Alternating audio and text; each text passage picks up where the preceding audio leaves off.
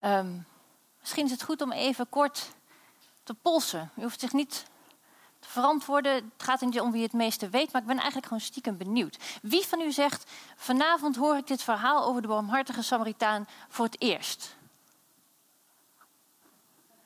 Wie van u zegt: Ja, wel eens gehoord, maar heel lang geleden, hoe ging het ook alweer?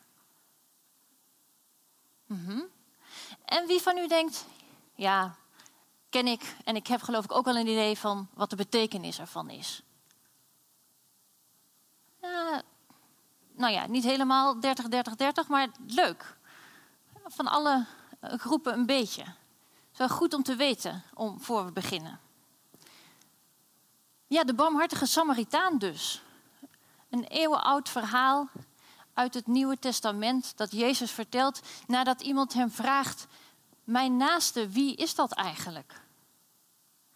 En dat is een vraag die ook vandaag de dag in tijden van enerzijds globalisering en anderzijds hyperindividualisering van grote betekenis is. Wie is mijn naaste? Voor wie ben ik verantwoordelijk? Voor wie moet ik zorgen? Voor wie wil ik zorgen? Dat, maar ook de vraag: hoe is dit verhaal eigenlijk ontstaan? In welke context is het geschreven? En voor wie? En wie waren eigenlijk die Samaritanen?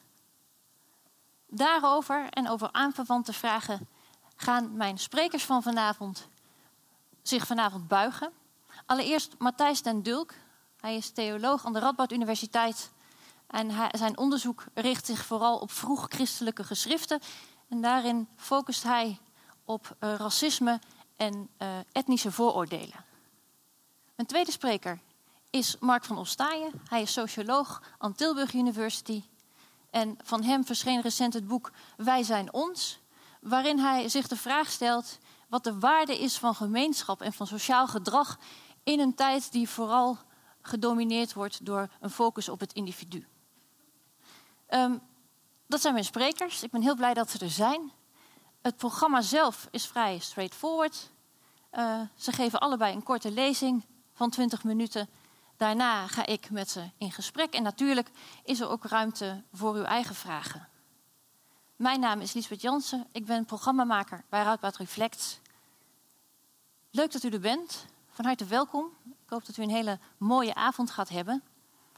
En voor ik het woord geef aan Matthijs ten Dulk, ga ik nog even voorlezen waar het allemaal uh, om begon. Het verhaal van de barmhartige Samaritaan.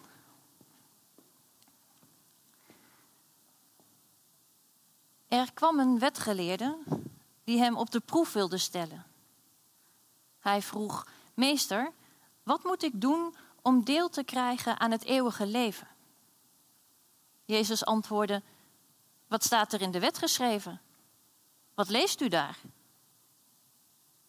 De wetgeleerde antwoordde: Heb de Heer uw God lief met heel uw hart, met heel uw ziel en met heel uw kracht en met heel uw verstand. En uw naaste als uzelf. U hebt juist geantwoord, zei Jezus tegen hem. Doe dat en u zult leven.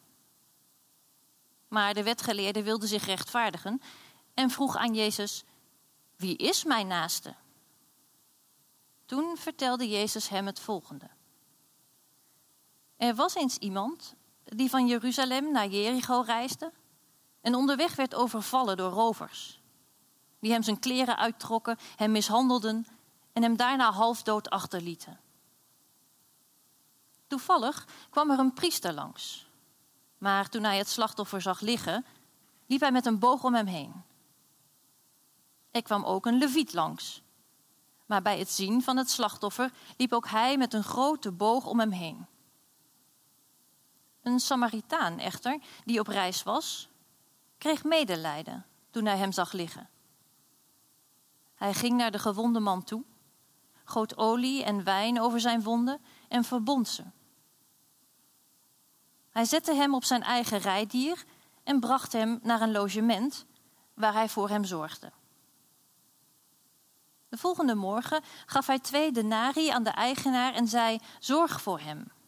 En als u meer kosten moet maken, dan zal ik u die op mijn terugreis vergoeden. Wie van deze drie is volgens u de naaste geworden van het slachtoffer van de rovers. De wetgeleerde zei: Ja, de man die medelijden met hem heeft getoond. Toen zei Jezus tegen hem: Doet u dan voortaan net zo? Matthijs Dilk.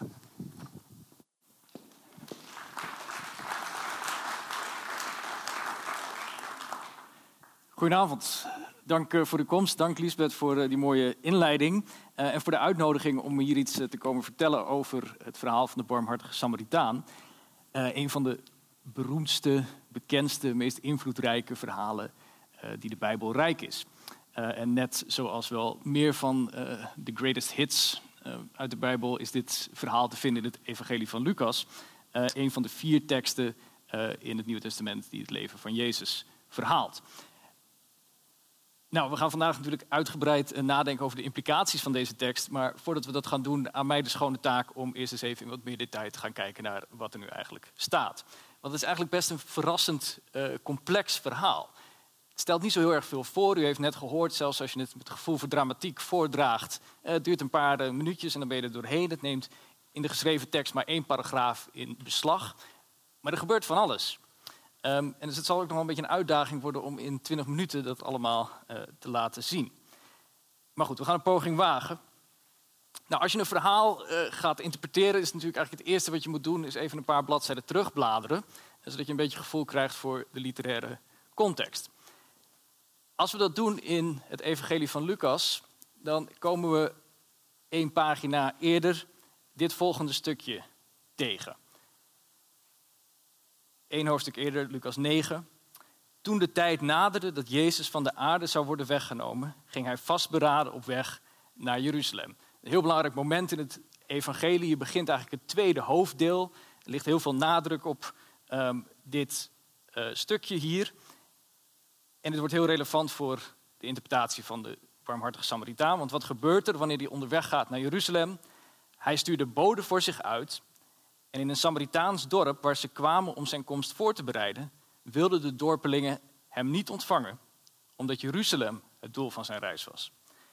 Toen de leerlingen Jacobus en Johannes merkten dat Jezus niet welkom was, vroegen ze: Heer, wilt u dat wij vuur uit de hemel afroepen dat hen zal verteren? Escaleert uh, nogal snel. Um, maar hij draaide zich naar hen om en wees hen streng terecht. Ze gingen verder naar een ander dorp. Nou, dit is tamelijk essentiële informatie als je het verhaal over de barmhartige Samaritaan uh, wil begrijpen. Vandaag de dag horen we dat woord Samaritaan natuurlijk eigenlijk vooral in de context van ja, een goede, barmhartige Samaritaan. Er zijn allerlei hulporganisaties die de naam Samaritaan in hun naam hebben.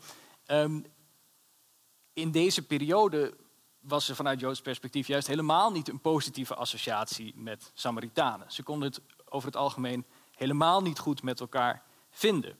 Uh, en Jezus en zijn volgelingen die hadden dus ook die vijandigheid aan den lijve ervaren. Nou loopt het hier wel een beetje met een sisser af. Hè? Um, Jacobus en Johannes gaan er met gestrekt been in, maar Jezus die weet ze daarvan te weerhouden. Um, maar we weten ook vanuit verhalen uit andere bronnen uit deze tijd dat het soms wel degelijk uit de hand liep. Er is een ander verhaal uit de eerste eeuw over Joden die net als Jezus hier en zijn volgelingen vanuit het noorden naar Jeruzalem onderweg zijn. En daarbij dus door dat gebied van die Samaritanen komen. En in dat geval werden die Joden amas vermoord door de Samaritanen. En dus er was een heel intens uh, etnisch conflict. Het speelde al eeuwen en we hoeven ook allemaal de details daarvan niet te bespreken. Maar de bottom line is dat uh, die mensen over het algemeen een hekel aan elkaar hadden.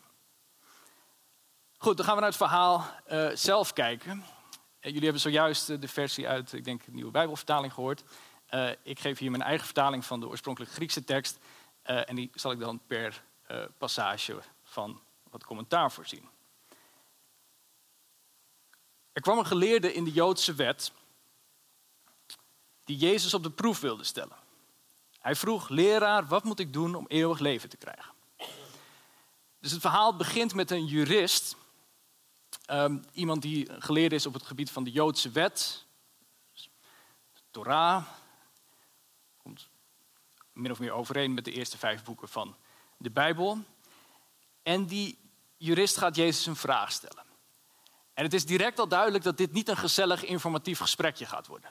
Hij kwam om Jezus op de proef te stellen. Hij wilde hem testen. Hij gaat hem het vuur aan de schenen leggen. Hij wil het lastig maken. En Jezus reageert daarop direct met, je zou kunnen zeggen, een koekje van eigen deeg. Uh, hij zegt, in de wet, in de Torah, wat staat daar geschreven? Wat lees je daar? Je zou kunnen zeggen, een beetje bij de hand de reactie. Jij bent de wetsgeleerde, jij bent de jurist.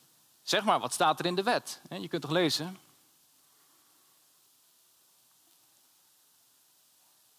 En de jurist komt met een mooi antwoord. Hij zegt, heb de Heer je God lief met heel je hart en met heel je ziel en met al je kracht en met heel je verstand en je naaste als jezelf. Nou, het woordje naaste gaat natuurlijk heel erg belangrijk worden in dit verhaal. Uh, kun je ook vertalen als een buur, buurman of buurvrouw. Dit antwoord komt eigenlijk rechtstreeks uit de Bijbel, een combinatie van eerdere passages. En Jezus reageert daar heel positief op. Die zegt, je hebt juist geantwoord, doe dit en je zult leven. Nou, dat zou het einde van het verhaal moeten zijn, zou je denken. Ja? jurist komt met een prachtig antwoord. Jezus is ermee eens. Al goed, eh, eind goed, al goed. Ze zijn er samen uitgekomen. Maar ja, van dat testen van Jezus, dat op de proef stellen, is nou nog niet echt veel terechtgekomen. Jezus heeft de vraag teruggekaatst naar die jurist en die geeft een mooi antwoord, maar dat, dat testen is erbij ingeschoten.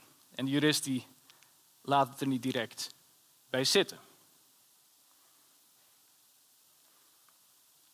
De jurist wilde zich rechtvaardigen.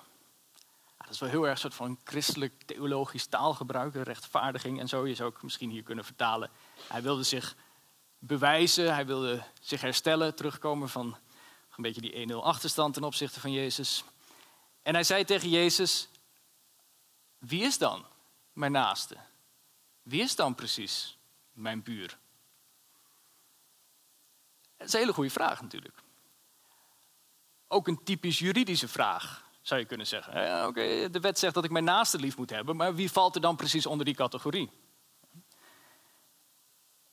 Je kunt het dus ook als buurman vertalen, maar ja, dat betekent dan feitelijk gewoon mensen die naast je zijn in een soort van ruimtelijke zin. Maar hoe ver reikt dat dan precies? Welke mensen horen tot deze categorie en wie niet? Waar eindigt de categorie van mensen die nabij zijn en waar begint de categorie van mensen die veraf zijn, die je niet hoeft lief te hebben als jezelf?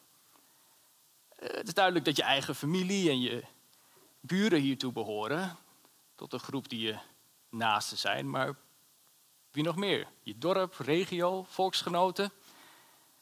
Wie moet je lief hebben als jezelf en voor wie geldt die verplichting niet? Want je moet het toch op de een of andere manier gaan inperken, zou je denken. Je kunt moeilijk iedereen als je naaste gaan behandelen. Waar eindigt mijn verantwoordelijkheid? Is feitelijk wat de jurist vraagt. En het standaard antwoord in deze periode was dat de naaste je mede-Israëlieten of je mede-Joden, je eigen volksgenoten waren. Maar hoe ziet Jezus dat? Bij wijze van antwoord zei Jezus: Een zeker persoon ging van Jeruzalem naar Jericho. En hij werd overvallen door rovers, die hem uitkleden en hem half dood achterlieten nadat ze hem in elkaar hadden geslagen. Het lijkt misschien een beetje alsof Jezus de vraag uh, negeert, heel iets anders gaat doen, een verhaal gaat vertellen. Maar voor de jurist zal dit geen vreemde wending zijn geweest. Andere Joodse teksten uit deze tijd proberen ook door middel van concrete voorbeelden tot de kern van een juridische kwestie te komen. En die kwestie is hier natuurlijk, wie is nou precies mijn naaste? Dus je zou dan ook verwachten dat dit voorbeeld zal uitlopen op de vraag, behoort deze man die daar langs de weg ligt tot de categorie van naaste, aan wie ik dus liefde en hulp verschuldigd ben? En daarom is het heel belangrijk dat over die identiteit van die man helemaal niks gezegd wordt. Hij is een zeker persoon. Vager kan je het haast niet maken. En er wordt dus niet gezegd of hij een Jood is of een niet-Jood. Hij heeft na de overval ook geen kleren meer aan. Dat zou je misschien nog een beetje een idee kunnen geven van zijn achtergrond en tot welke groep die behoort. En bovendien, ja, hij is half dood, dus hij kon waarschijnlijk ook niet meer zo vlotjes uit zijn woorden komen. Je kon hem moeilijk vragen tot welke groep die behoorde. En dus hebben we hier een serieus juridisch probleem. Hoe bepaal je nou in zo'n geval of deze persoon je naaste is? Of hij tot jouw groep behoort of niet?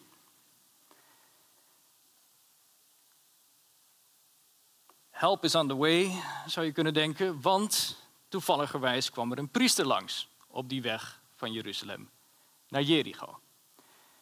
Nou, een priester is een religieuze expert. Iemand die de wet kent, die natuurlijk ook dat gebod kent van heb je naaste lief als jezelf. Dus van hem mogen we nu verwachten dat hij een intelligente beslissing gaat nemen over of deze man tot die categorie van naaste behoort. Nou, wat precies een afweging was, dat weten we niet, maar we horen wel wat het resultaat was. Toen hij hem zag, liep hij aan de andere kant voorbij. Het feit dat er niks gezegd wordt over motivatie biedt natuurlijk ruimte voor speculatie. Was het misschien zo dat hij besloten had dat deze man gewoon niet tot die categorie behoorde? En had hij misschien ook besloten, ja, ik hoef hem ook niet het voordeel van de twijfel te geven.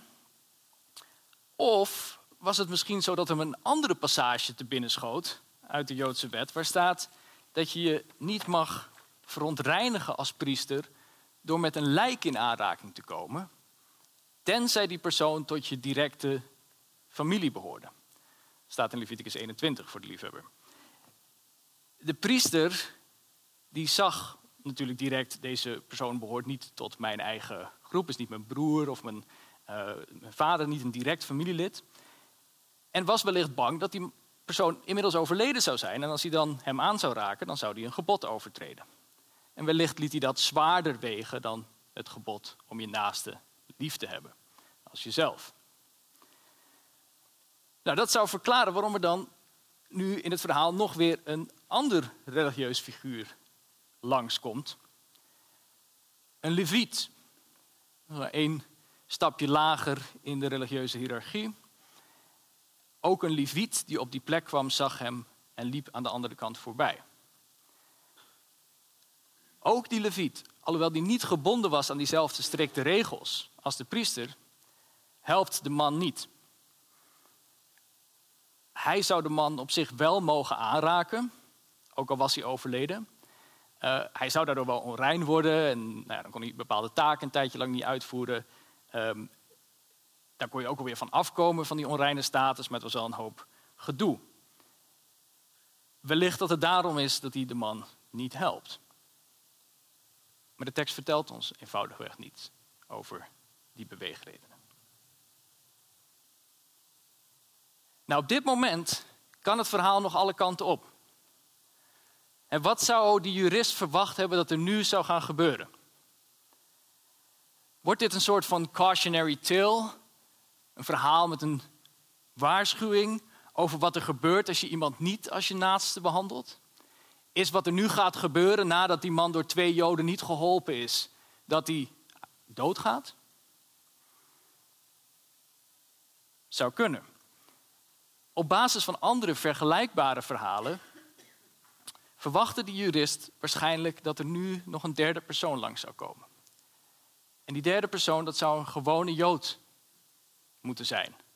En die priester en die leviet, dat waren speciale categorieën, bijzondere gevallen. En kennelijk waren in hun situaties redenen om niet tot hulp over te gaan. Maar hoe zat het met een gewone Jood? Zou hij de man wel als naaste moeten beschouwen? En als dusdanig moeten helpen? Waarom wel of waarom niet? Dat is wat je verwacht, dat er nu een gewone Jood op het toneel verschijnt.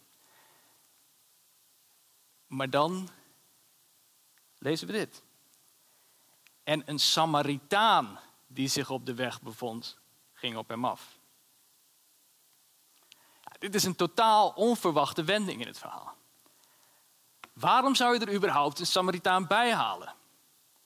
Dat is toch irrelevant als je je afvraagt wie je als Jood als je naaste moet behandelen. De vraag was telkens, althans dat moet de jurist gedacht hebben, staat de priester in zijn recht door de man in die greppel niet als zijn naaste te behandelen en te verzorgen. En staat die leviet in zijn recht door de man in de greppel niet als zijn naaste te behandelen en te verzorgen. Of een Samaritaan een ander wel of niet als zijn naaste moet zien, is vanuit Joods perspectief een irrelevante kwestie. Is het dan misschien toch een cautionary tale? Het klinkt een beetje dreigend. Een Samaritaan die zich op de weg bevond, ging op hem af. Waarom? Wat verwacht je nu? Nou, misschien, op basis van wat we weten over de Samaritanen, dat die Samaritaan nu het laatste stukje leven uit die halfdode man gaat slaan. Maar nee, het verhaal wordt nog gekker. En toen hij hem zag, kreeg hij medelijden. Juist deze Samaritaan, een van die gehate Samaritanen, heeft medelijden met de man. En hier wordt voor het eerst in het verhaal iets gezegd over de motivatie van een karakter. Waarom de priester en de leviet niks deden, blijft onhelder. Maar waarom de Samaritaan wel helpt, is duidelijk. Uit medelijden. Niet op basis van juridische verplichtingen, maar op basis van barmhartigheid. Het is duidelijk dat de tekst niks zegt over, oh, hij herinnerde zich het gebod dat je een bepaalde persoon moet helpen of zo. Nee, nee, nee. Hij handelt vanuit de compassie die hij voelt. Hij kwam naderbij, goot olie en wijn over zijn wonden en verbond ze. Hij zette hem op zijn eigen rijdier en bracht hem naar een motel. Je zou kunnen zeggen logement en herberg, en dat zijn misschien wel betere vertalingen. Want motels had je helemaal nog niet in de eerste eeuw. Waarom heb ik dan toch gekozen daarvoor? Omdat motel klinkt een beetje ja, weinig plezierig in onze context. Een motel is over het algemeen een beetje een smerige, goedkope plek. Um, en dat is ook de connotatie die het Griekse woord dat hier gebruikt wordt met zich meebracht. Dus we moeten niet denken dat hij naar een mooi resort of zo wordt meegenomen. Um, hij bracht hem naar een, een, motelachtige gelegenheid en verzorgde hem. En de volgende dag nam hij twee denari, gaf ze aan de eigenaar of aan de herbergier en zei: Zorg voor hem en wat je nog extra uitgeeft, zal ik je vergoeden wanneer ik terugkom. Tot nog toe ging alles heel erg snel in het verhaal. Maar nu neemt Jezus de tijd om relatief uitgebreid te vertellen wat die Samaritaan allemaal deed. Hij wrijft het erin. De koele afstandelijkheid van de priester en de leviet worden gecontrasteerd met de warme zorg van de Samaritaan. De Samaritaan die geen enkele reden had om te denken dat hij hiervoor terugbetaald of beloond zou worden, verzorgde de man en liet hem vervolgens in de zorg van de herbergier achter. Het is ook interessant dat er duidelijk grenzen zitten aan wat die Samaritaan doet en ook aan wat hij in zijn eentje probeert te doen. Een punt waar we vanavond uh, wellicht nog wel over te spreken komen. Maar we keren eerst terug naar Jezus' gesprek met de jurist. Wie van deze drie denk je dat de naaste was voor degene die het slachtoffer van de rovers was? En de jurist zei, de man die compassie toonde. Het woord Samaritaan krijgt hij nog niet helemaal over zijn lippen. Hij verwijst naar hem als de man die compassie toonde. En Jezus antwoordde hem, doe net als hij. Het is duidelijk dat de vraag nu omgedraaid is. De vraag begon met wie is mijn naaste? En nu vraagt Jezus, wie denk je dat een naaste geweest is voor deze persoon? Toen die Samaritaan ten tonele kwam, was al duidelijk dat Jezus niet zo geïnteresseerd was in de formele juridische kwestie wie is nou precies mijn naaste? Die vraag impliceert al, ja, ik ga niet voor iedereen zorgen, dus waar trekken we de grens? En Jezus zegt, geheel in overeenstemming met de gulden regel, die in zijn versie is, doe voor anderen wat jij wil dat ze voor jou zouden doen. In overeenstemming daarmee zegt hij, je moet je niet afvragen voor wie moet ik zorgen, wie ben ik verplicht lief te hebben, maar wie zou ik willen dat er voor mij zou zorgen? Niet wie is mijn naaste, maar door wie zou ik als naaste behandeld willen worden? En dat als uitgangspunt voor je handelen in het heden te gebruiken. Jezus stelt voor dat je het perspectief van die man die half dood langs de kant van de weg ligt moet innemen. Een situatie die ons allemaal kan overkomen. Die man kon er ook niks aan doen dat hij de rovers werd overvallen. En wat zou je dan willen dat er gebeurt? Natuurlijk wil je dan dat de ander jou als een naaste gaat behandelen. Of die nou technisch gezien tot jouw groep behoort of niet. Dus op die manier moet je nu ook zorgen voor de ander wanneer het wel goed met je gaat. Als het je nu niet uitmaakt of die ander tot jouw groep behoort, of sorry, als het niet uitmaakt uh, of die ander tot jouw groep behoort wanneer het slecht met je gaat, dan moet je nu ook zelf niet de leden van die andere groep uitsluiten, maar de vreemdeling tot naaste maken door hem of haar als dusdanig te behandelen. Dus bij wijze van samenvatting, um, in dit hele korte stukje tekst maakt Jezus tenminste de volgende vier punten. Eerste is, als je nadenkt over voor wie je moet zorgen, denk dan over wie je zou willen dat er voor jou zou zorgen als het niet goed gaat met jou. En neem dat als uitgangspunt voor je handelen in het heden. Daaraan gerelateerd als tweede punt, ideeën die bepaalde groepen mensen uitsluiten van zorg en liefde zijn inconsistent en hypocriet. Want wanneer je zelf half dood in de greppel ligt, wil je ook hulp van om het even wie. Ten derde, schrijf mensen die niet tot jouw groep behoren niet af. Die Samaritanen zijn zo slecht nog niet, meent Jezus.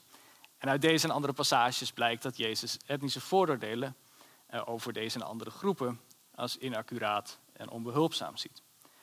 En ten vierde, laat je motiveren door compassie en niet door formele verplichtingen, regelgeving of abstracte principes. Mooie ideeën. Eervolle idealen. Maar hoe haalbaar is dat nou allemaal? Zijn dat soort ideeën werkbaar? Hopelijk kunnen we daar vanavond samen wat antwoorden op formuleren. Dames en heren, dank voor de uitnodiging. Dank ook om hier te mogen staan. Um, dank voor uw komst op deze bijzondere plaats. En ik moet u eerlijk bekennen, het is vanuit sociologisch perspectief al zeer bijzonder dat er zoveel mensen uh, zich verzamelen rondom een verhaal wat al meer dan 2000 jaar oud is. Op een doordeweekse dinsdagavond in Nijmegen. Um, mijn bijdrage uh, strekt zich ertoe om u enigszins om te proberen om een verklaring daarvoor te geven. Waarom wij hier zijn. Um, ik ben dus gevraagd om me als socioloog te verwonderen over de schitterende uh, parabel en de verhandeling die zojuist is gedeeld. En daarom stel ik de volgende vraag. Wat is de plaats en de functie van dit verhaal binnen onze cultuur? En wat valt er dan sociologisch toe te voegen aan de moraal van dit verhaal? Door middel van uh, sociologische verbeelding um, denk ik uh, best een hoop daaraan toe te kunnen Even kijken of dat dit werkt.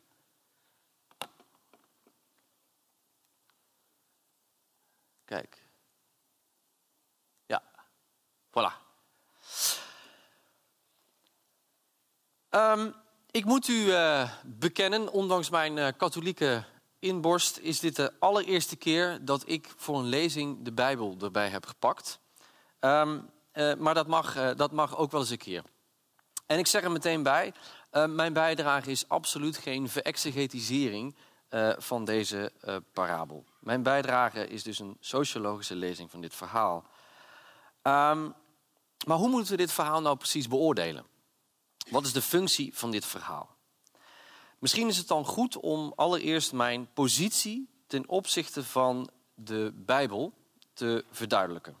Want als socioloog uh, zie ik, of bezie ik de Bijbel als een um, onderdeel van een religie.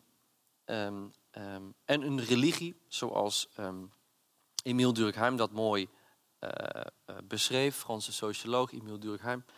Uh, religie als een sacralisering van de meest waardevolle waarden. Een gemeenschap aanbidt via de aanbidding van een God vooral zichzelf.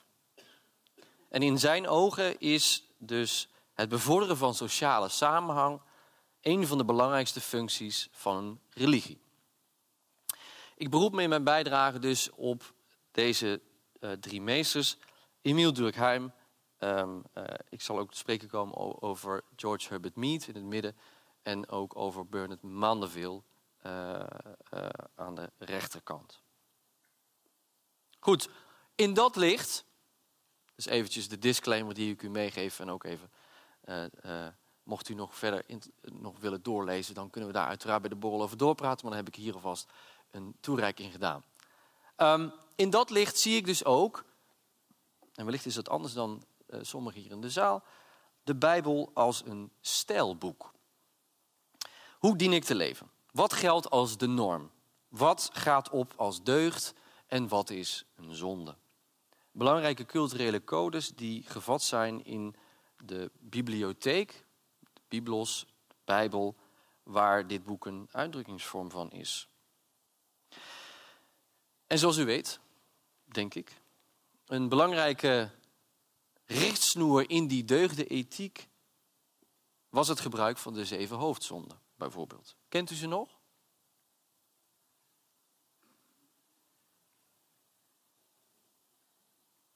Misschien één of twee, misschien vier. Ik zal u even helpen. Hoogmoed, jaloezie, boosheid, vraatzucht, wellust, hebzucht en lusteloosheid. En alhoewel in de hiërarchie van de verschillende zonden door de tijd heen is veranderd, kan het als een belangrijk ankerpunt worden gezien in de ontwikkeling van die katholieke deugdethiek. Zeker aangezien het met het begaan van bepaalde zonden natuurlijk ook consequenties zijn verbonden die men in ieder geval in de katholieke traditie middels aflaten of een biecht of zelfs een plaats in het helfuur tegemoet kon zien. Binnen dat kader begrijp ik ook de parabel van de barmhartige Samaritaan. Hier prachtig afgebeeld, volgens mij door Vincent van Gogh. Zoals een veel oraal overgeleverde cultuur, zoals ook sprookjes, kan ook hier een belangrijke moraal in gelezen worden. De moraal en de deugd dat je ten eerste de ander tegemoet dient te treden als je naaste, werd al duidelijk op gewezen. Ten tweede, je iemand moet beoordelen op wat hij of zij doet, in plaats van wat hij of zij is. En ten derde, de geest van de wet, bijna Montesquieu, de geest van de wet in plaats van de letter van de wet na te leven. Goed, dat lijkt op zichzelf best een sympathieke en nastrevenswaardige gedachte. Maar ik heb op zijn minst twee grote bezwaren met de moraal van deze parabel. En die wil ik dolgraag met u delen. Um, ten eerste, als ik als socioloog die parabel bezie, ontbreekt er voor mij iets fundamenteels. Bij herlezing van de parabel viel, valt het mij op dat als u goed nagaat, en we hebben het nu twee keer door twee verschillende, uh, in twee verschillende lezingen de revue laten passeren. De Samaritaan weet helemaal niet waarom die man daar ligt. Dat heeft niemand hem verteld op het moment dat hij die man ziet liggen. Dat is Jezus die dat op dat moment vertelt aan de toehoorders. Op het moment dat het zich afspeelt, weet de Samaritaan niet waarom die man daar ligt. Dat hij dus is uh, uh, mishandeld uh, en dat hij dus daar door rovers is overvallen. Die Samaritaan kan dus wel medelijden hebben, maar waar is dat medelijden dan precies op gebaseerd? Als socioloog mis ik het reflexieve of relationele aspect binnen dit verhaal. Nu zult u zich afvragen, maar wat is dan het reflexieve aspect in dit verhaal? Dat is voor mij een kernaspect hoe ik naar de wereld kijk als socioloog. Wat is sociale reflexiviteit? Hier achter mij ziet u twee verschillende plaatjes. Aan de linkerkant iets waar het ontbreekt, aan de rechterkant iets waar het aanwezig is. Ik zal dat toelichten. Sociale reflexiviteit is het gegeven dat de sociale werkelijkheid, de sociale werkelijkheid, op een andere manier is opgebouwd dan de natuurwetenschappelijke wereld. aan de linkerkant. Als ik door een telescoop kijk naar de maan, verandert dat niets aan de maan. Althans, laten we dat even aannemen. Maar als ik hier nu, op dit moment, naar de maan ga zitten turen, dan zult u denken dat ik enigszins wereldvreemd ben. En dat heeft waarschijnlijk een vrij opmerkelijke situatie tot gevolg.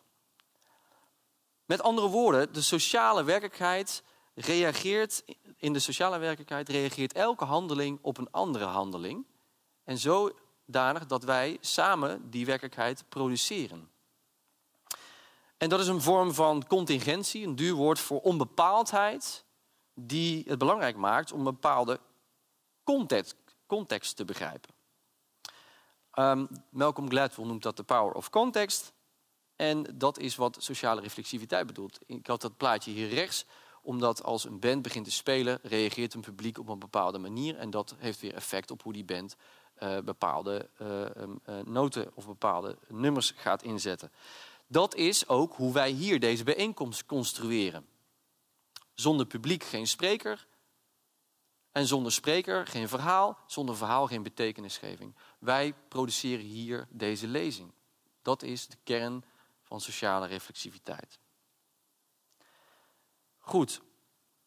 Ik ben dus vanuit die uh, optiek ook nagegaan.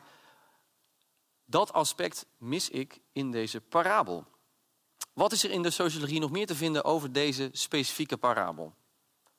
Een van de grootmeesters in de sociologie, George Herbert Mead, met het schitterende boek Mind, Self and Society, schrijft in het Engels: The attitude of chivalry or the mere breaking of bread with another identifies the individual with the other, even if he is an enemy. Those are situations in which the individual finds himself in an attitude of cooperation, and it's out of situations like that that universal religions have arisen. The development of this fundamental neighborliness is expressed in the parable of the Good Samaritan. Mocht u niet zo vloeiend Engels spreken, het, dat waar George Herbert Mead wereldberoemd mee is geworden, is dat hij wijst op het belang van taking the role of the other. Dat je in staat bent om de rol van een ander in te nemen en daarmee interactie te kunnen maken samen. Als in een gesprek is dat ook iets wat u wellicht uit uw eigen ervaring kan putten. In een gesprek kan betekenisgeving pas plaatsvinden als je je kan verplaatsen in de rol van een ander. Dat is een belangrijk element dat ook Mead hier koppelt aan de parabel. En dat is ook hoe je onderdeel wordt van een gemeenschap. Het is die taking the role of the other, zoiets als empathie, barmhartigheid, die interactie mogelijk maakt. Interacties ook op interacties. Waardoor die sociale reflexiviteit, waar ik eerder over sprak, in de sociale werkelijkheid wordt gevoed. Ik mis dat element in deze parabel. Um, ik mis dat element van sociale reflexiviteit, dat er iets gebeurde daar en context. Welke context heeft dit precies plaatsgevonden? Ondanks dat er wel degelijk over context is gesproken, mis ik dus de sociale context. Want uit sociaal-wetenschappelijk onderzoek weten we gewoon, en dat weet u waarschijnlijk ook, dat mensen heel specifiek soort mensen helpen in heel specifiek soort situaties. We helpen eerder mensen in chique kleding op straat. Als er een man in een driedelig pak om uw hulp vraagt, zullen die eerder helpen dan iemand in rafelige kleding. We weten ook dat de meeste mensen eerder geneigd zijn mensen te helpen met dezelfde huidskleur. We weten ook dat u eerder geneigd bent om kinderen te helpen op straat. En we helpen ook mensen als we de enige zijn die in de buurt zijn. Dat noemen we handelen op basis van heuristieken. Shortcuts waarmee we in een hele complexe situatie snel moeten handelen en snel moeten inschatten wat juist is. En wat juist is, is per situatie afhankelijk. De situatie geschetst in de Bijbel is echter zo algemeen en zo generiek dat we niet echt kunnen beoordelen waarom de leviet en de priester hem eerst lieten liggen, op basis van de context. Misschien hadden ze daar inderdaad alle reden toe. Met andere woorden, we hebben altijd een tekort aan informatie. Net zoals in het Bijbelverhaal, om een daadwerkelijk goede inschatting te maken van de situatie en juist te handelen. En mijn punt is nou juist, wat juist is, is contextafhankelijk. Um, ik ga even kijken of ik nu hier dat juiste filmpje heb staan. Ja, ik wil u dit even laten zien.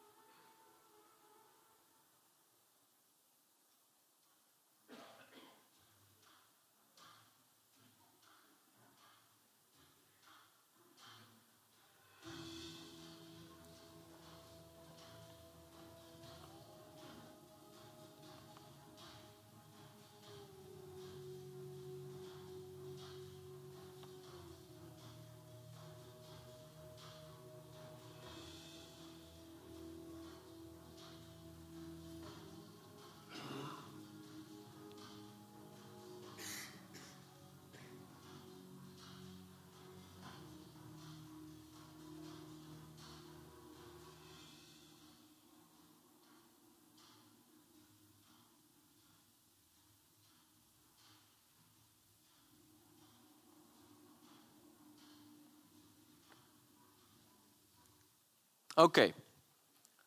Ehm, ik hoop dat u enigszins meekreeg waar dit over ging. Dit is een sociaal experiment opgezet door de Washington Post in Amerika, in Boston.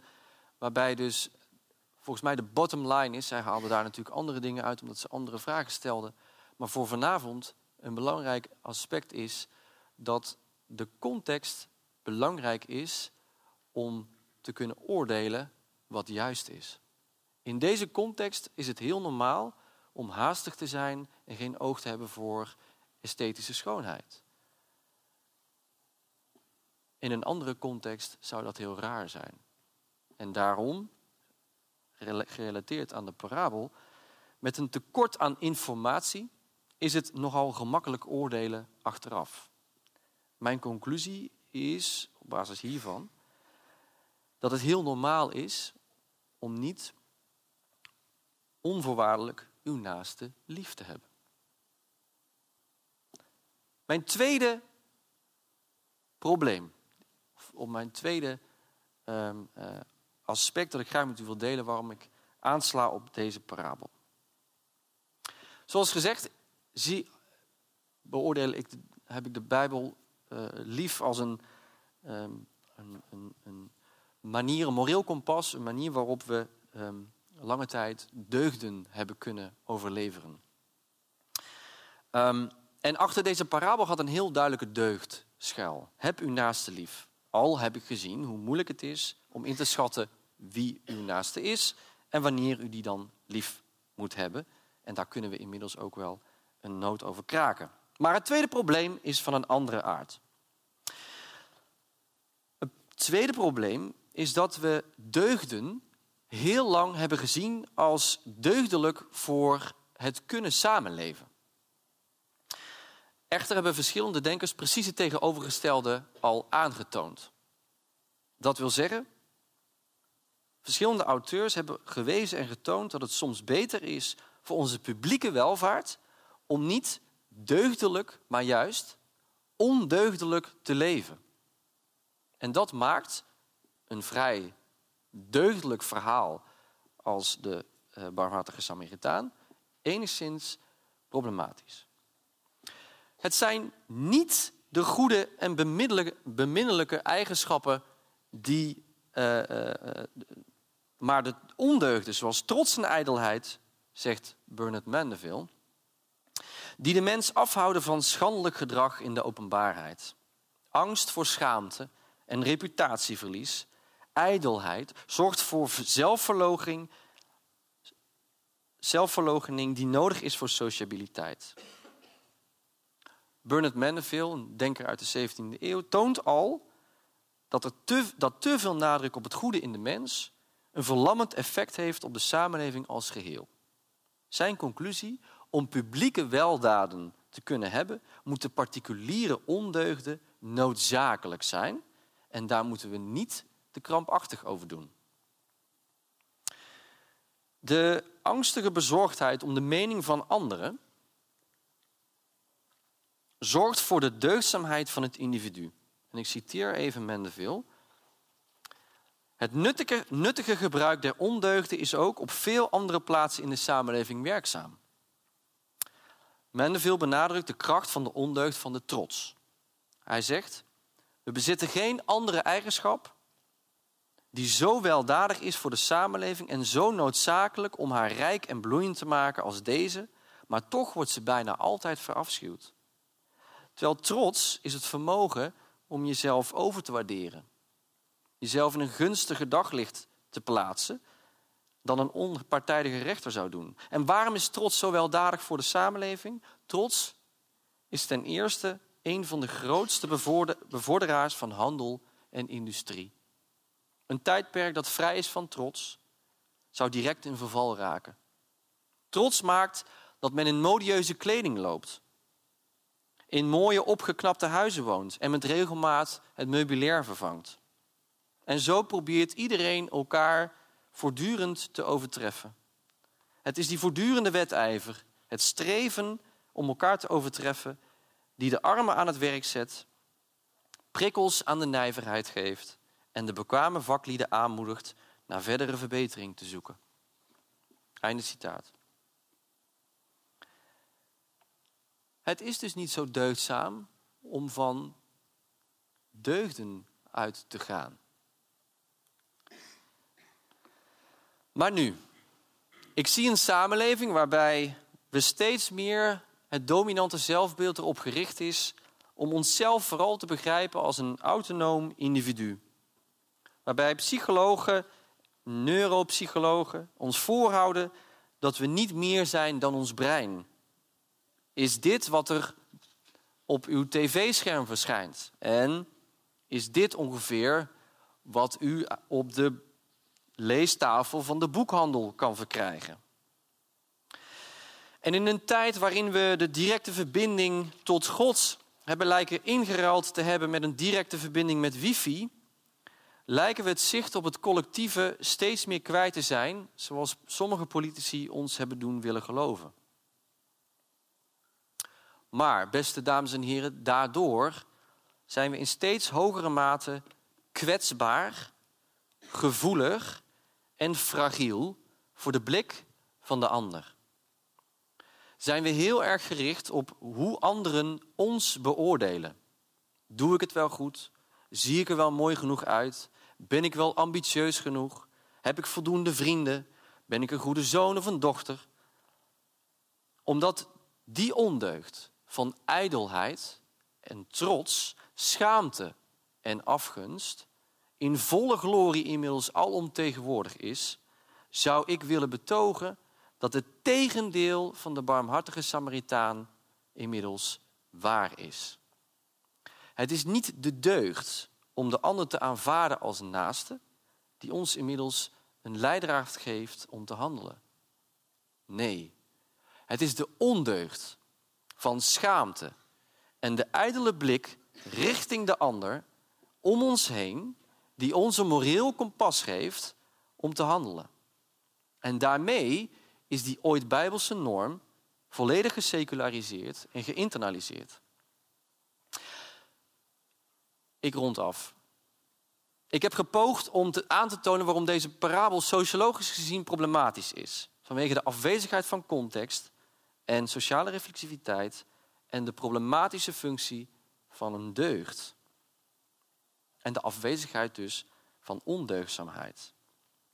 In de huidige tijd hebben we zo'n parabel niet meer nodig om goed te handelen. We weten inmiddels dat de context van belang is. En we hebben de functie van de ondeugd al lang omarmd in een verder geïndividualiseerde samenleving. Misschien is dat ook wel de reden dat u vanavond bent afgekomen op een lezing over de barmhartige Samaritaan. Morgen kan het bij de koffieautomaat wellicht op instemming rekenen bij collega's. U kunt wellicht een vrij intellectuele indruk achterlaten bij vrienden of familie. En iedereen kan op zijn tijd wel een moreel schouderklopje gebruiken. Waar of niet waar, door de ijdelheid heeft de huidige mens geen directe goedkeuring meer nodig van God, maar indirect van zijn medemens. En het toont aan dat de barmhartige Samaritaan nog altijd een sacralisering is van belangrijke waarden in onze samenleving. En dat blijft een belangrijke functie van religie. Dank u wel.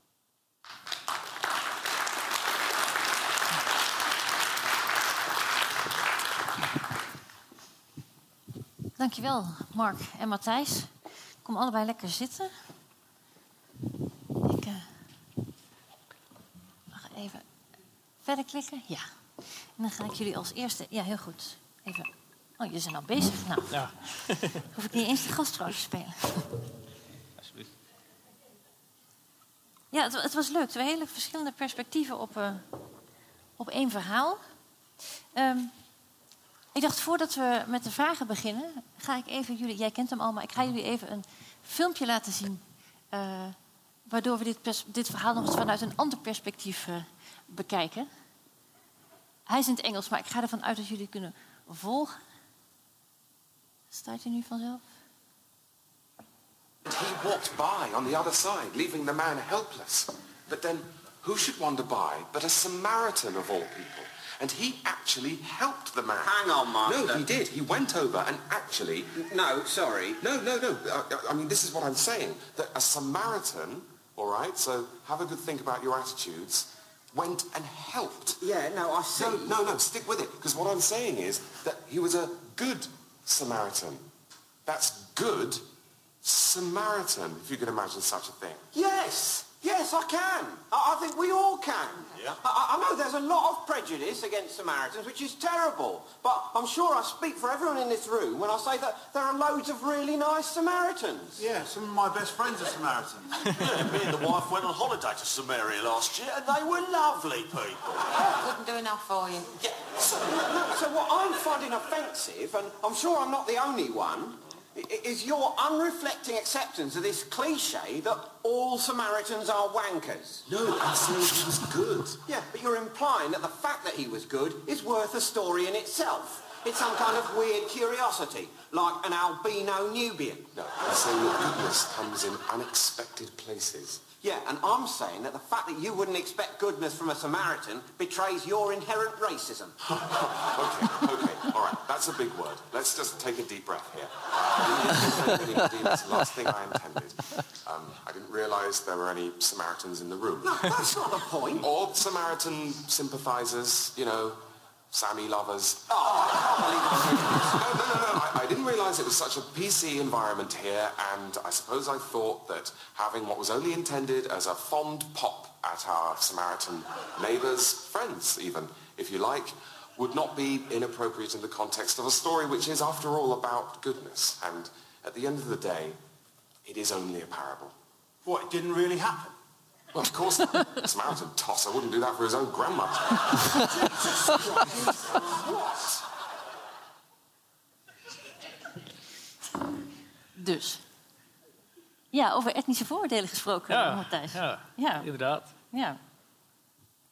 Ehm, Zal ik hierop reageren? ja, doe even Ja, oké. Eh, dit is geloof ik van eh, Mitchell en Webb. Hè. Ehm, ontzettend grappig. Eh, heel veel van wat ze gedaan hebben kan ik zeer waarderen. En deze sketch ook. Ik vind het heel geslaagd. Ehm, eigenlijk omdat het twee dingen doet. Het brengt je aan het lachen, maar het zet je ook aan het denken. Dat is het beste soort comedy wat mij betreft. En ik denk wat ze vooral heel goed de vinger op leggen is dat eh, in welke context, eh, met welke toon je iets zegt over groepen, zeker als dat generaliserende uitspraken zijn, dat maakt eh, enorm veel verschil. Ehm, ja, misschien als je een vergelijking trekt met onze eigen context. Als je, als je vandaag de dag zegt, ehm, laat ik je een verhaal vertellen over een goede Duitser. dan denkt iedereen, ja, we zitten hier 10 kilometer van de Duitse grens. We kennen allemaal, of heel veel mensen zullen Duitsers kennen natuurlijk. Dat zegt vooral iets over jou dat jij denkt dat dat een verhaal eh, waard is. Een verhaal van een goede Duitser. Eh, terwijl als je eh, vlak na de oorlog gezegd had, laat ik een verhaal vertellen over een goede Duitser, dan had dat misschien toch wat meer eh, de wenkbrauwen doen, eh, doen fronsen. Dus het maakt natuurlijk heel veel uit hoe men in de bredere context denkt over een bepaalde groep. En wat dat betreft denk ik dat ze er hier flink naast zitten, wat betreft hoe men over het algemeen dacht over eh, de Samaritanen. Eh, en daarnaast is natuurlijk nog een belangrijk punt, wat nu niet helemaal in de, sketch niet helemaal goed uitkomt, eh, is dat Jezus in dit verhaal niet zegt, eh, laat ik je eens vertellen over dat er ook eens een keer een goede Samaritaan was. Maar dat hij zegt, kijk eens, onze eigen eh, elite, eh, de, zeg maar het beste wat wij als volk in huis hebben, dat steekt heel beroerd af ten opzichte van de Samaritanen. Weet je, de Samarita deze Samaritaan is beter dan onze leiders. Dus dat is ook nog wel eventjes een, een extra stap die, waar zij hier wel heel erg makkelijk overheen gaan. Maar ja, goed, eh, als comedy geslaagd. Als exegese wat minder, zou ik zeggen. De sociale context dus ook. ja. Daar had jij het net natuurlijk ook over. Hoe belangrijk de sociale context is bij hoe we situaties eh, interpreteren. En het was voor jou een van de redenen te zeggen... nou ja, ik heb wel wat eh, kritiek eh, bij deze parabel. Want Ja. we weten eigenlijk niks over die sociale context. Ja, precies. En op het moment dat jij dat zei, zag ik Matthijs heel druk schrijven. Oh ja, ja, ja. Ik Jij dacht, vindt god, hier ik vast moet iets even wat aantekeningen maken. Want, eh, ehm, eh, nee, dus eh, voor jou was ook heel belangrijk dat het niet duidelijk is voor die Samaritaan waarom die man überhaupt eh, daar ligt. We kunnen niet uit de parabel opmaken dat hij voorkennis had hè, Ja. over de status waarom die man daar ligt. Hè. We Ja. hadden net hadden we het in een voorgesprek al een beetje filosofeerden we even over wat nou als er een zin zou worden toegevoegd. Die, hè, die, eh, die de, de status waarom die man daar eh, beroofd en uitgekleed en eh, uitgemergeld ligt, vele malen verklaarbaarder maakt. Hè, namelijk. het, wordt, het wordt wel verklaard natuurlijk. Hij is beroofd. Hij was onderweg ergens naartoe en hij wordt beroofd. Ja, ja, ja. Nee, maar bijvoorbeeld, hè, was er een aanleiding waarom die man beroofd en, en in elkaar geslagen is? Hè, heeft hij een misdaad begaan? Dan wordt het verhaal weer heel anders. Ehm, maar goed, los daarvan. Hè, dus er is, de Samaritaan kan op het moment dat het gebeurde niet hebben geweten wat de aanleiding was voor de erbarmelijke, staat waarin die man zich bevond. Ja, nou goed, dus het is wel duidelijk dat zeg maar, ook de manier waarop dat in het Grieks beschreven wordt, dat die man het slachtoffer geworden is zeg maar, van criminelen, van rovers. Dus het is niet zo alsof hij zelf iets gedaan had, dat hij een soort van uitgelokt had of zo. Hij had misschien hooguit uitgelokt door in zijn eentje langs die weg te gaan lopen, hè, over individualisme gesproken. Hè, dat, en dat is op zich interessant natuurlijk, dat in het verhaal dingen mislopen wanneer mensen in hun eentje zijn en dat de oplossing komt wanneer ze een beetje samen gaan werken. Ehm, hè, dat is de, de Samaritanen meeneemt naar een herberg, et cetera. Ehm, maar eh, ik vraag me af, eh, doet dat het nou echt zoveel? Toen zou je ook niet kunnen zeggen, daaruit blijkt juist de moraal dat je zo'n persoon moet helpen, ongeacht wat eh, de achtergrond is en ongeacht wat de redenen zouden kunnen zijn waardoor ze in een Ja. penibele situatie zitten. Ja, nee, dat, dat is uiteraard natuurlijk de, de bottom line in dit verhaal. Ehm, maar wat ik wel bijzonder vind, is dat. ehm, ehm, eigenlijk zou je kunnen zeggen dat. De, eh, dat laat deze sketch ook zien, denk ik. Ehm, dat is bijna na- nauwelijks nog invoelbaar voor ons. Maar dat er dus een afwijking is op de norm. dat er een afwijking op de norm nodig is om een norm te stellen. Dus dat, dit, was, dit was een hele aparte situatie. Hè, dus, dus dat een Samaritaan helpt. Hè, dus het is ongeveer, eh, om het even. eh, dat wij eh, dat in de huidige context inderdaad dat we zeggen. eh, dat Wilders zou zeggen dat er een goede Marokkaan is. Hè? Dus dat weet je dat je de, de norm. eh, is, is, dat is afwijkend op de norm. Ja. En dan, dat maakt het opmerkelijk. En vervolgens is de afwijking op die norm normstellend. Ja, dat is een, een nieuwe norm. Ja. Dat is altijd Ja. een afwijking van wat er daarvoor was. Maar ik dacht dat jouw punt ook was, ja, allemaal goed en wel die parabel. Maar zo werkt het in de praktijk niet. Want als mensen zich niet kunnen identificeren met degene die ze moeten helpen, dan doen ze dat niet. Ja. Nou ja, dat is dus. eh, dat weten we uit, inderdaad uit, uit sociaal-wetenschappelijk onderzoek. Maar de vraag is dan dus: waar houdt dat eh, inderdaad? ehm, hoe kan je dan zonder de context bepalen wie eh, je mag helpen of niet? Ja, maar- En wat dus ook juist is. Ja, maar ik denk dus dat de moraal van het verhaal is... je moet juist helpen, ongeacht of die persoon tot jouw klasse behoort... of, eh, of je daarmee kunt identificeren... omdat je dezelfde leeftijd of achtergrond of wat dan ook hebt. Ja, misschien moet je het even wat, wat, wat praktischer of wat concreter maken. Ik moet denken aan een collega van mij die laatst vertelde... als ik naar mijn werk fiets, dan kom ik iedere dag langs een bosje... en daar kampeert eh, een zwerver in een tent. Eh, en iedere dag fiets ik daar langs en denk ik... eigenlijk zou ik toch iets moeten doen? Dat kan toch niet dat iemand hier gewoon in de struiken leeft? En iedere dag fiets ik ook net zo hard weer voorbij... omdat, omdat ik denk, ja, ik weet niet of die man Nederlands spreekt. Eh, ik weet, misschien is hij wel psychotisch. eh, misschien is hij wel drugsverslaafd. Dus er zijn allemaal dingen die we inbouwen, lijkt het wel voor onszelf, om niet te hoeven helpen. En dat is misschien ook een van de dingen die het verhaal aanspreekt. Ja, ik, bedoel, ik zou denken op basis van de parabel van de eh, Samaritaan... dat het een goed idee zou zijn, eh, in ieder geval dat, dat Jezus in zo'n situatie gezegd zou hebben... ja, ga vooral eh, met die persoon Ja. in die tent praten. En ja, goed, als die vervolgens psychotisch blijkt te zijn of geen Engels, of alleen maar Engels te kunnen... dan, dan zie je wel weer verder. En dan ga je Ja. misschien een professionele hulp bij zoeken. Ik bedoel, in de praktijk loop je natuurlijk tegen allerlei complicerende factoren aan. Maar ga wel iets doen. En onttrek je niet zomaar aan je verantwoordelijkheid... omdat er wellicht iets zou kunnen zijn eh, dat eh, problemen veroorzaakt. Ja, maar eh, kun je dat als socioloog verklaren waarom mensen zeg maar, in dit soort situaties, waarbij je denkt, nou ja, hè, puur theoretisch gezien, denk je, ja, dat, je zou iets kunnen doen, je zou misschien iets moeten doen, maar mensen doen het toch niet? Ja. ja, er zijn heel veel, dat, dat noemen we dus die heuristieke shortcuts, waarin we. Het is altijd een hele complexe situatie. Ehm, nogmaals, als je bijvoorbeeld in een. Er zijn heel veel onderzoeken gedaan naar als je de. de ehm, als er bijvoorbeeld een moord wordt gepleegd, dat is dan in scène gezet. eh, en de groepsgrootte daaromheen, eh, afhankelijk van de groepsgrootte, of je dan interveneert of niet. Nou, hè, dus, en we weten dat hoe groter de groep, eh, hoe minder likely u zal zijn om daadwerkelijk in te stappen.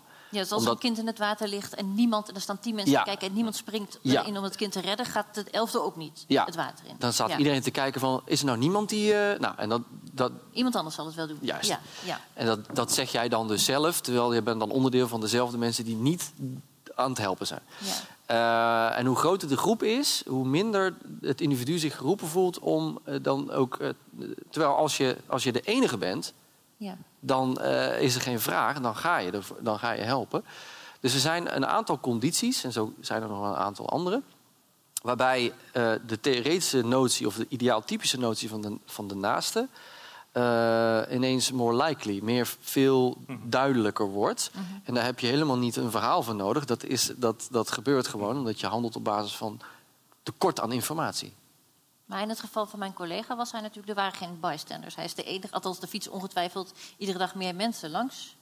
Maar hij is op dat moment alleen en toch, En in het verhaal trouwens ook, hè. het zijn Ja. allemaal individuen voortdurend. ja. dan is het eh, nog steeds wel. Kijk, we, je komt dan denk ik op de vraag: hè, zijn wij nog in staat om ons te verplaatsen in een ander? Ehm, en dat is, eh, nou ja, dat is lastig als je eh, constant eh, wordt geconfronteerd met verhalen over verwarde mensen of over Ja. meer toenemende criminaliteit. onverdraagzaamheid op straat, toenemend wapenbezit in de publieke ruimte.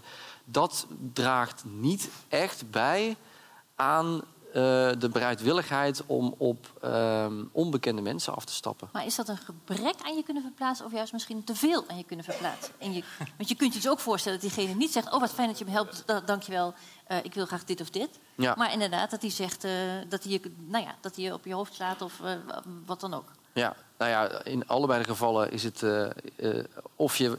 Je weet namelijk niet of die informatie klopt. Of het te veel is of te weinig.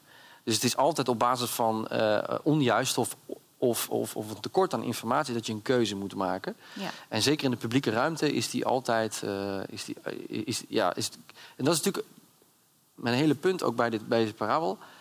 Ehm, het is namelijk makkelijk oordelen achteraf. Ja, nee, dat zonder meer. Ehm, eh, maar dit dus raakt aan wat je zegt over het gebrek aan sociale context. Hè, en dat dus wat goed is, wat jou betreft afhankelijk is van eh, context.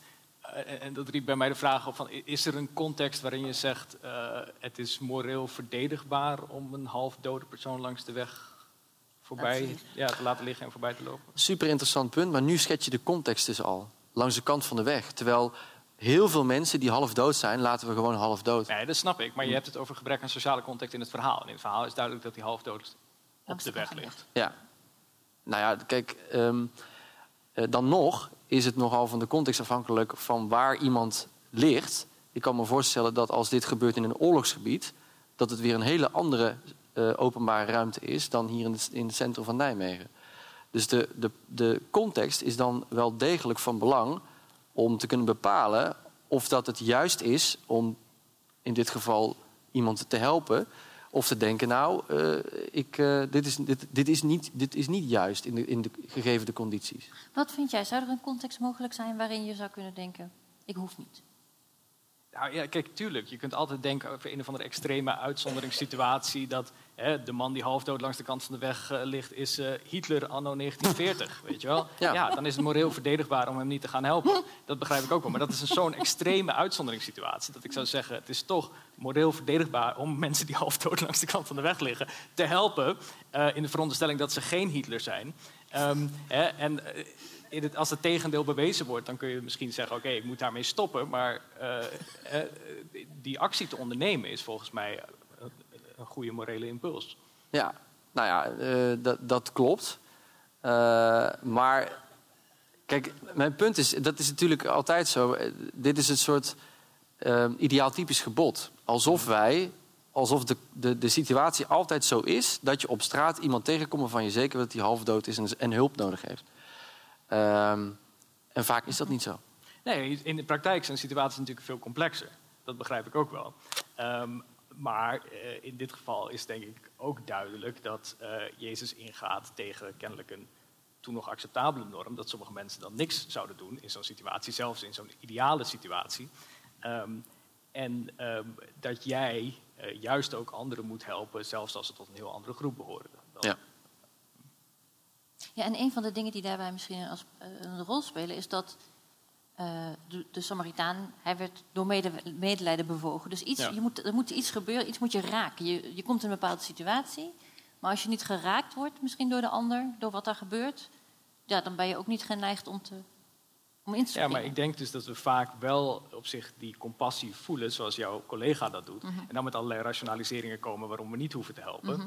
Eh, en, en het, het verhaal suggereert, denk ik, wat mij betreft, juist dat zo de aandacht wordt gefocust op dat ene moment van dat je iets hoort over de motivatie van een karakter. Ehm, dat, dat dat heel belangrijk is om gewoon maar die compassie te voelen en daar, eh naar aanleiding daarvan te handelen. Ja. Ehm, o- en ja, weet je, wat van verder allemaal precies de, de regelgeving en abstracte principes en zo en eh, de mogelijke gevaren kunnen zijn. Ehm, dat is in ieder geval denk ik wat het, het verhaal propageert. Ja, hoe zie jij dat met het geraakt zijn? Is, dat, is het belangrijk? Gaan we, gaan we mensen eerder helpen als we... eh, en kunnen we dat dan stimuleren op een bepaalde manier? Dat wordt constant gestimuleerd. U heeft waarschijnlijk ook al gedoneerd voor bepaalde Giro-nummers. Eh, dat wordt gedaan door op uw gevoel in te spelen. Dus om eh, empathie bij u los te maken, omdat er aan de andere kant van de wereld, bij mensen die u nog nooit heeft gezien, ook niet aan de andere kant van de weg, ook niet in een halfdode staat, eh, maar toch bij u een bepaald gevoel eh, probeert op te wekken, zodat u gaat doneren bij een bepaald Giro-nummer, omdat er een urgentie is aan de andere kant van de wereld. Dus dat is precies dit. Eh, alleen dan op een abstracte geopolitieke schaal die de verbeeldingskracht vo- volledig voorbij gaat van de fysieke ruimte waarin je geconfronteerd wordt met een hulpbehoevend iemand. Maar zelfs zijn wij in staat om onszelf zo te verplaatsen in een ander, in een wereld waar wij wellicht nog nooit geweest zijn. In de context waarin we niet eens weten wat wellicht de urgentie en, en, en de nood is. Om dan zelfs eh, de portemonnee te trekken en, en, en hulp te bieden. In ieder Ja. geval in, ab- in abstracte zin. Ja, want dat is inderdaad wel denk ik een van de problemen die, eh, nou ja, die wij zeg maar in, het, in de geglobaliseerde wereld tegenkomen. Hè. Je zit- kunt voortdurend de, hele, ellende van de hele wereld op je eh, net. eh, hoe heet dat? Vlies. Netvlies, dank je. Ja. eh, eh, eh, krijgen. Ho- hoe moet je daarmee omgaan? Want dit is inderdaad een vrij concreet voorbeeld. Je loopt ergens naartoe. Nou ja, je komt iemand tegen. Dat, als je een andere route had gekozen, was je diegene niet tegengekomen. Eh, het is een hele directe impuls. Maar, maar, in, dit, eh, maar, maar in deze maatschappij, zeg maar, zien we de ellende. Hoe kies je dan? Of wat, wat moet je daar dan mee? Wie is je naaste? Ja, ehm, kijk, dat is natuurlijk een heel duidelijk verschil tussen onze wereld en de, de Bijbelse wereld. Hè? Ja. Dat wij met een paar drukken op de smartphone kunnen weten hoe het in eh Soudaan ervoor staat, ik noem maar wat. Eh, en dat was natuurlijk toen niet zo. En je ziet zeker in die Bijbelverhalen dat heel erg de nadruk ligt op compassie hebben met mensen die inderdaad direct bij jou in ruimtelijke zin eh, aanwezig zijn. Maar ik denk dat we het ook niet al te zeer moeten overdrijven, die tegenstelling. Eh, ik bedoel, in, in de antieke wereld wist men ook heus wel van... hé, daar is een dorp waar de oost mislukt is... of daar was een epidemie, of daar was een opstand die misgegaan is. En, en dat er grote problemen waren, grote maatschappelijke problemen... die verder gingen dan zeg maar, het leed wat jij als individu kon dragen... en, en dat ook niet misschien direct zichtbaar was voor jou. Uh, dus tot op zekere hoogte zou je misschien ook wel kunnen zeggen... het is een bewuste keus dat juist die bijbelverhalen gaat over het leed... waar jij direct mee geconfronteerd wordt. Van ga daar nou eerst maar eens mee aan de slag. Zorg dat je daar op basis van compassie handelt. En ik denk dat uh, ja, zoiets als het evangelie van Lucas... heeft meer een soort van olievlekmodel van... Uh, hebben, als iedereen maar gewoon goed zorgt voor de mensen in zijn naaste omgeving... dan komt het uiteindelijk wel goed met de globe. Uh, en niet zozeer het idee van je moet... Uh, alles opgeven om mensen heel erg ver weg uh, te helpen per se. Ja. Um, Ja. ja, dus, maar goed, eh, hoe dat dan precies in onze tijd moet. Um, Ik kijk wel even naar Mark. Ja, nou, dat is, dat, is natuurlijk eh, eigenlijk gewoon een politieke vraag. Hè? Ja. En, eh, wat, eh, maar de vraag die bij Lucas dan ook wel nog steeds actueel is, is wat, wie is die gemeenschap? Ja. En wie behoort daartoe? En eh, wie wordt daar vooral buiten gehouden? ja, maar de, ge- de gemeenschap vanuit het perspectief van Jezus is dus iedereen die bij jou in de omgeving is, feitelijk. Je naast in een gewoon heel erg soort van ruimtelijke zin. Ja. Maakt niet uit tot welke klasse of eh, groep ze behoren. Ehm, en ik denk op zich, ja, in onze cultuur, in onze tijd, eh, zijn er wat dat betreft natuurlijk ook zat hulpbehoevenden gewoon in onze eigen. Ja, maar de vraag eh, wie erbij mag horen, of wie, wie, wie tot de gemeenschap mag horen, of wie dus mijn naaste is, is, ik zou haast willen zeggen, politiek actueler dan ooit. Hè. Dus eh, de vraag wie eh, bijvoorbeeld tot eh, de Nederlandse identiteit behoort, Ja, ja. en daar dus allerlei rechten en plichten aan kan ontlenen, is een, eh, is een eh, politiek eh, actuele kwestie. Ja, maar laten we nog heel even teruggaan naar inderdaad, weet ik veel, de kledingfabrieken in Bangladesh en de overstromingen en de eh, aardverschuivingen en weet ik veel. Ehm, daar gaat het niet zozeer om groep, toch? Of, of zij bij ons horen, of vind je van wel? Ehm, hoe bedoel je dat? Nou ja, als ik zeg maar een filmpje zie inderdaad om te doneren aan eh Goede Doel X, Ja, wordt er dan een appel gedaan op het feit dat deze personen wel of niet tot mijn groep behoren? Of meer op mijn individueel empathievermogen? Ja, ja.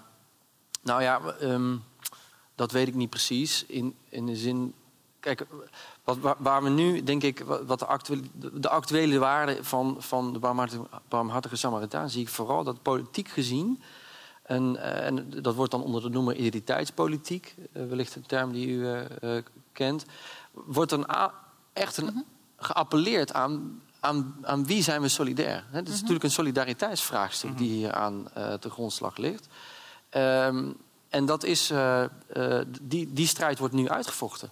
Dus Ja. als, als zelfs de dierenpartij ons eh, eh, gevoelig kan maken voor empathie voor dieren die onze solidariteit behoeven, omdat wij eh, op een of andere manier daar verantwoordelijkheid voor moeten dragen. En dat dat, dat dus onze naasten zijn. Ehm, eh, nou ja, dat is onderdeel van die identiteitspolitiek. Van, van wie is die naaste, wie is de gemeenschap en wie, eh, voor wie moeten wij eh, optreden. Ja, maar dat is feitelijk het perspectief in het verhaal van de priester en de leviet. hè. Die moeten Mhm. solidair zijn met de mensen van hun eigen groep. Ja. Eh, daar, dat is een uitgangspunt. En Ja. Jezus zegt, nee, dat maakt helemaal niet uit tot welke groep ze behoren. Ja. Dus eh, identiteitspolitiek, het zal allemaal wel. Ja. Maar het maakt niet uit. Het zijn, het zijn allemaal mensen en die moet je allemaal verzorgen. Ja, en dat is natuurlijk een, eh, een prachtig, eh ideaal typisch uitgangspunt. Eh, maar daar ben ik dan toch iets te empirisch voor dat ik zeg... in de werkelijkheid zien we dat dat, eh, dat, dat tegen eh, eh, beperkingen aanloopt. Ja, dat snap ik. Maar is daarom juist ook niet waar het de functie van het verhaal zit? Juist omdat we geneigd zijn dat niet te Ja. doen. Omdat we dat zo tegen onze intuïties indruist. Dat we daartoe moeten worden opgeroepen. En hoe zie je dat dan in de, in, in de, in de dagelijkse werkelijkheid dan ook gerealiseerd worden? Nou ja, ik vind dit een mooi voorbeeld van iemand die dus in een tent daar zit waar je verder niks mee hebt. Die in een totaal andere situatie is. Die net als eh, bij de barmhartige Samaritaan is het natuurlijk ook niet een soort van ik krijg hier iets voor terug. Weet je wel? Je, eh, er gaat niet een soort van return on investment ja. plaatsvinden. Ehm, dat je dan toch zegt, ondanks dat ik niks heb met deze persoon, ga ik die persoon helpen. Ja, het grappige was ook dat toen ik mijn collega vroeg... wat zou je dan nodig hebben om hem wel te gaan helpen... Ja. zei hij, nou, ik zou het fijn vinden als er ergens een telefoonnummer was... van een instantie die ik kon bellen. Nou ja. En toen dacht ik, ja, ik, ik, snap, ik, ik, snap, tuurlijk. ik snap die behoefte... maar we- misschien zegt het ook iets over de mate waarin onze samenleving geïnstitutionaliseerd is... en hulp ook heel erg. Ja, maar dat is ook denk ik iets heel goeds. Ik bedoel, Ja. je, Mhm. deze, jouw collega wil een telefoonnummer. Die Ja. Samaritaan wou een herberg waar hij die man kon droppen Ja. en weer verder kon trekken. En maar dat is, dus het verhaal suggereert ook niet van deze man moet nou in zijn eentje alles oplossen. Nee, Mhm. de, de oplossing zit juist in een soort van, nou ja, ook een institutioneel kader ja. eh, waar je dat Maar dat is ook doen. zeker zo. Kijk, dat heeft Abraham de Zwaan prachtig laten zien... hoe, hoe hè, de, de Caritas van de kerk uiteindelijk eh, ook voor de eh, sociale zekerheid... en onze hele verzorgingsstaat heeft... gez- en vervolgens dus nu een onderdeel, een functie is van de verzorgingsstaat geworden. Ehm, dus met andere woorden, het is een eh, geïnstitutionaliseerd vraagstuk geworden... wie er tot de, ker- wie er tot de, de, de hulpbehoevende mag behoren. Dus mijn vraag is dan ook vooral: hè, kunnen we blijvend eh, met allerlei kinderpardons gaan strooien, omdat we denken dat iedereen er maar bij. Hè? Dus dat, dat is het actuele politieke vraagstuk wat er dan ligt. Ja, Toch? En dan gaan we namelijk de pijn opzoeken. Want we kunnen hier heel lang over praten.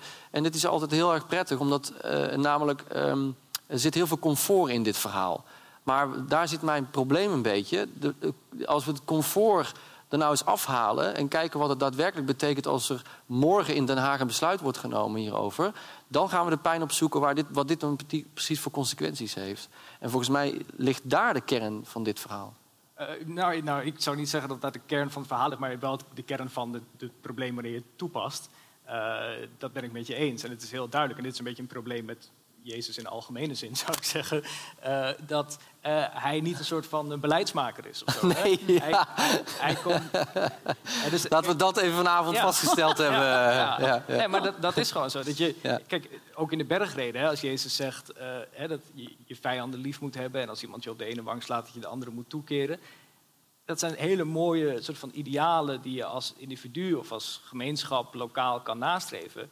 Maar ja, is dat hoe de NATO eh, of de NAVO eh, in de, toekomst eh, beleid moet gaan voeren? Ja, nee, ik, ik denk van niet. Eh, Ja. eh, hè, dus daar zit een enorme spanning Ja. die natuurlijk door de, de geschiedenis van de kerk heeft eh, eh, daardoorheen is uitgespeeld. Dus ik- kijk, ik denk nog steeds dat dit een heel behulpzame oproep is voor hoe jij gewoon zelf in je persoonlijk leven omgaat met die mensen met wie jij direct in contact komt. Maar ik denk helemaal niet dat dit direct zomaar te vertalen valt naar eh, kwesties als het, het vluchtelingenvraagstuk of zo. Maar wat ik dus interessant vind in de manier waarop jij het nu interpreteert, is dat het dus eigenlijk een heel individueel, individuele handleiding is.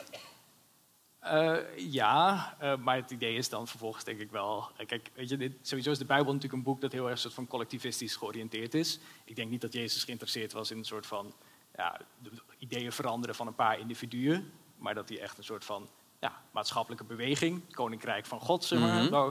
stichten. Ehm, en, ehm, Maar kijk, nogmaals, dat, dat, ik denk dat dat een soort van, dat, dat het idee vanuit in ieder geval zo iemand als Lucas redeneert, een soort van olievlekmodel is. Hè? Dat je dus de hele tijd, eh, je zorgt voor de mensen naast je. En als iedereen dat maar blijft doen, dan komt het uiteindelijk op de globale schaal ook wel in orde, is vermoedelijk wat hij gedacht heeft. Eh, en dat is denk ik iets anders dan eh, zomaar nu in één keer mensen gaan helpen die in een volstrekt andere context zijn. Ja, daaraan gerelateerd moest ik denken aan een lezing van Injas de Vis. ehm, het empathisch te veel, waarin hij zegt, ja, er wordt steeds meer, we leven in een cultuur waar steeds meer de nadruk wordt gelegd op individuele empathie. En tegelijkertijd gaat de solidariteit gaat er via de achterdeur uit. Terwijl we daar misschien Ja. veel meer behoefte aan hebben, omdat soli- solidariteit op een bepaalde manier neutraler is. Je hebt er recht op hulp als je aan criteria A, B en C voldoet.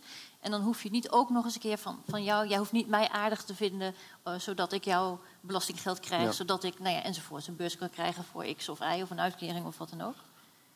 Ehm, hebben jullie ook het idee dat daar een spannings, in ieder geval in onze samenleving, een spanningsveld zit? Dus, tussen beroep dat er gedaan wordt op empathie, in het kader van de individualisering Mhm. bijvoorbeeld, en de, en de solidariteit die meer eh, algemeen is of meer eh onpartijdig is? Nou ja, je ziet natuurlijk wel, eh, vandaar dat ik even het kinderpardon eh, eh, noemde. Je ziet daar met name dat, eh, maar dat is ook natuurlijk een onderdeel van de medi- mediatisering, dat eh, eh, verhalen beklijven door personalisering. Hè? Dus, de, dus de, Ja. de, de, de cases, als die een gezicht krijgen Ja. met een daadwerkelijk kind, eh, we kennen ze allemaal, eh, de verschillende cases. eh, Mauro bijvoorbeeld achter, dan, dan, dan ehm, zijn we eerder geneigd om dus empathisch te handelen. Hè, omdat we ons verplaatsen in dat individuele geval. Ehm, maar wat zegt dat nou over onze positie ten, aanze- ten aanzien van onze hè, eh, asielprocedure, die daar natuurlijk achter ligt? En het feit dat mensen jarenlang al geïntegreerd zijn in deze samenleving. En op, nou ja, et cetera, et cetera. Dus de solidariteitsvraagstuk staat dan ineens eh, tussen, tussen haakjes. Hè? Want het gaat dan om, om dat specifieke geval. En dan kan een minister of een staatssecretaris kan dan hè, zijn discretionaire bevoegdheid inmiddels niet meer, maar die kan dan eh, hè, even schone sier maken en, en even laten zien dat hij ook een heel ba- barmhartig Ja. bewindspersoon Ja. is. Maar dat is inderdaad het solidariteitsvraagstuk wat daar is dan. Dat, dat, dat, dat ligt dan niet op tafel. Nee, dus in feite hoor ik jou zeggen, nou ja, solidariteit, empathie ten koste van solidariteit is niet goed, maar andersom ook niet. Of andersom gebeurt het ook. Mm. Want je kunt ook inderdaad denken, nou ja, volgens de regels zou het A zijn, maar uit empathie kan ik ook nu kiezen voor B. Ja, ja, Ja. exact. Ja. Ja. Ehm, het is kwart voor tien. Wij gaan hier afsluiten. Ik wil heel graag hartelijk bedanken mijn sprekers Matthijs ten Dulk en Mark van Ostaaien.